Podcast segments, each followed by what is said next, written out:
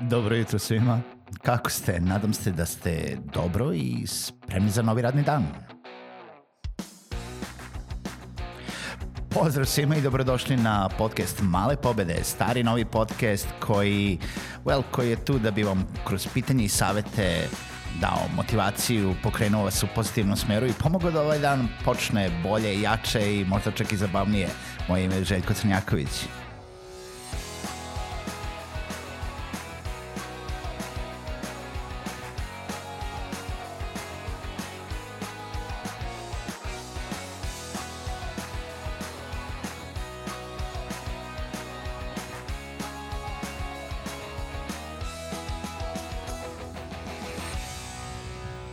Dobro jutro i pozdrav svima, dobrodošli u još jednu epizodu Malih pobeda. Kako smo jutros? Nadam se da smo dobro i kao, nadam se da smo dobro kao i svako jutro. I danas ćemo da promenimo malo priču. Pričali smo o raznim a, temama o, o ove nedelje, pričali smo o tome a, o nekim lekcijama iz detinjstva, o tome kako da objasnimo a, čime se sve bavimo i onda bi da pređemo na nešto malo zbiljnu temu, da pređem na nešto što muči verovatno sve one koji se bave preduzetništvom, verovatno sve freelancere prevashodno, a oni koji tek treba da uđu ili razmišljaju da uđu u uh, freelance ili preduzetništvo, treba da debelo razmisle o ovome. Naime, kako se nosimo kao freelanceri, kao preduzetnici sa finansijskim aspektom jel da, tog oblika. A pod time ne mislim na sve ono lepo što ljudi kažu uh, da zarađujemo puno, a radimo veoma malo i da sedimo po kafićima, a tu negde tučemo hiljade i hiljade evra, jel da kao što kažu mediji, kao što većina ljudi koji zavide i žele da, u stvari, oni žele da budu freelancer ili preduzetnici, ali nešto ih sprečava, u stvari sprečavaju sami sebe. Um, nego svi oni koji zapravo stvarno žele da uđu i da se oprobaju. I ono što najviše kažemo da se dešava u freelancingu, a ja mislim da sam već u jednoj epizodi rekao i od sada pa nadalje ću da poistovetim predizetništvo i freelancing, um, jeste da prihodi nisu stalni. Prihodi ne samo da nisu stalni, nego uopšte ne možete da ih predvidite.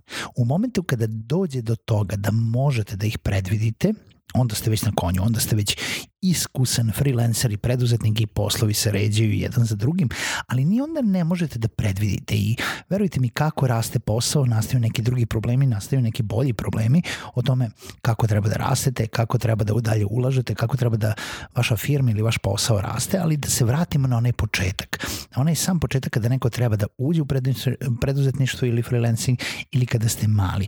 I jednostavno kada taj posao, kada vam je svaki posao u stvari onako neka sreća, neko, neki prihod od kojeg ćete vi da živite.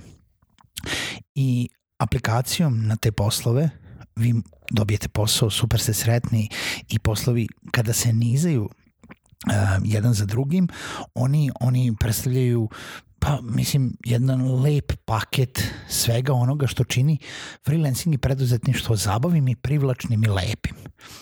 Radite ono što volite, zarađujete onoliko koliko ste želeli ili mogli da naplatite, ali živite od svojih usluga.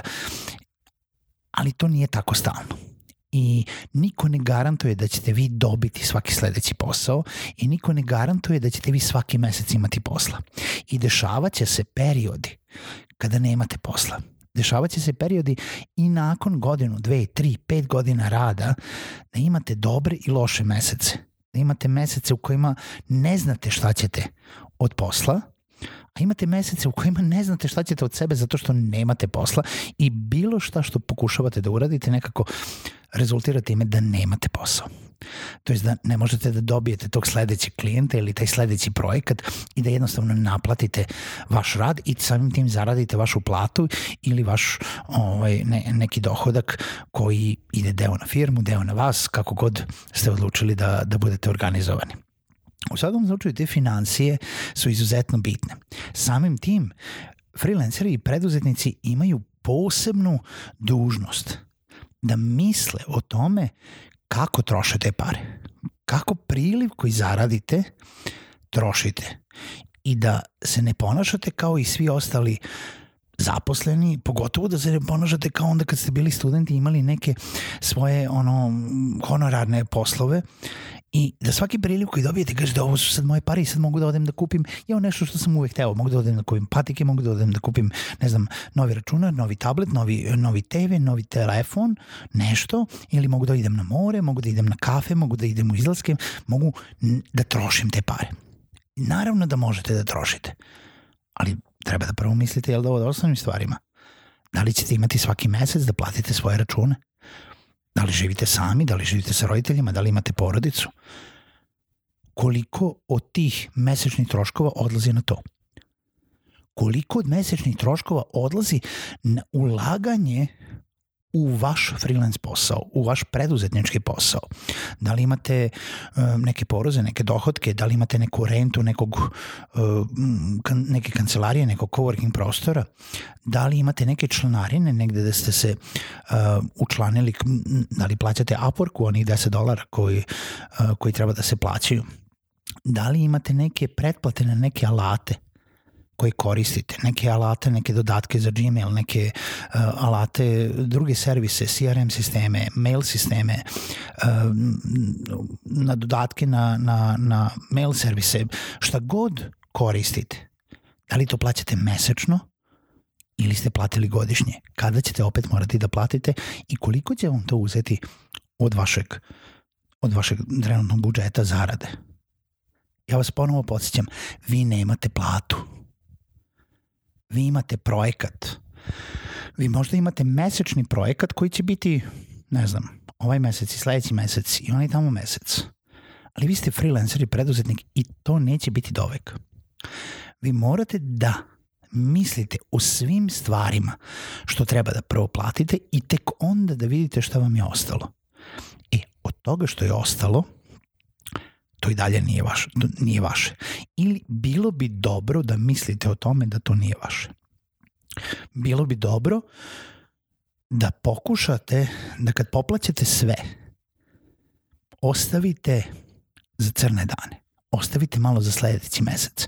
Ostavite shodno tome ako vidite da nemate sledeći projekat i da ne znate kada će doći sledeći projekat, ostavite od ovoga što imate dok ne vidite kada će doći taj sledeći projekat. Ostavite tako da imate buffer zone za nekoliko meseci. Skupljajte, nećete to moći od jednog posla. Nećete moći ni od dva, ni od tri. Mislim da je Bože da možete.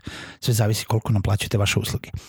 Cilj preduzetništva i freelancinga jeste da prvo obezbedite za sebe i za sve svoje troškove, mislim za jel da, opstanak, i onda da stvarate neku zonu komfora gde vi znate da ukoliko nećete imati posao nekoliko meseci, da se desi da nemate posao nekoliko meseci, da te pare možete da trošite. I te pare uvek morate da ostavljate. Kako, recimo, ostavite, moj buffer zone je šest meseci.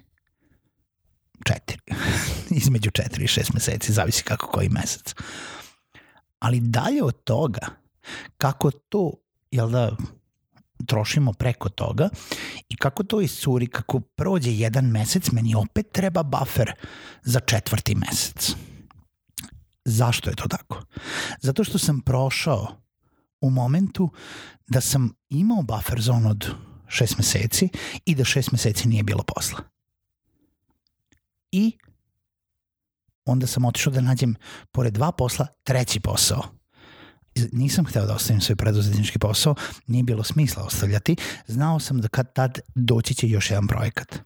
I nakon mesec dana nekog freelance, malo tamo muvanja, zezanja i uh, kupljenja mrvica da, da se preživi još jedan, dva meseca, je došao jedan projekat, pa drugi, pa treći, pa peti i u momentu je to počelo da raste.